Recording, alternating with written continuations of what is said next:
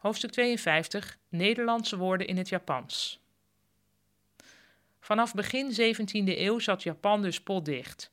Dat was best slim, want Japan had gezien hoe het andere Aziatische landen verging die het Westen gastvrij hadden binnengehaald. Die werden gekoloniseerd. Daar had Japan begrijpelijkerwijs geen zin in. Alleen de Nederlanders waren tot op zekere hoogte welkom.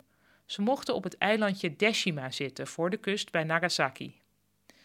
De Japanners die met hen handelden kwamen daarheen en één keer per jaar mochten de Nederlanders echt het land in. Ze gingen dan op bezoek bij de shogun in Edo, het huidige Tokio.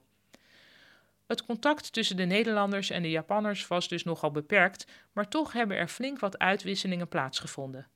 De Nederlanders waren verder met gezondheidszorg bijvoorbeeld. Japanners bestudeerden het werk van de Nederlandse chirurgijns en namen hun terminologie over. Tot op de dag van vandaag worden er Nederlandse termen gebruikt in de Japanse medische wereld. En messu is bijvoorbeeld een chirurgisch mes. Maar ook gewonere dingen zijn overgenomen. Biru is bier, kohi is koffie. Ondanks alle thee en sake zijn bier en koffie voor Japanners ook bijzonder belangrijk geworden.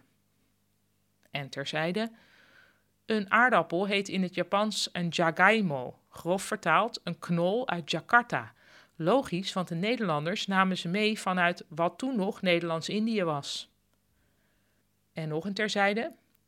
Elk Japans schoolkind zult een gigantische schooltas mee, een randoseru. Dat is een raar woord in het Japans. Het komt van het Nederlandse woord ransel, dat rugzak betekent en dat wij niet meer gebruiken.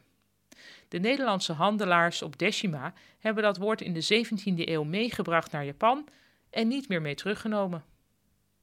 En dan heb ik daar zelfs nog een terzijde bij, namelijk deze.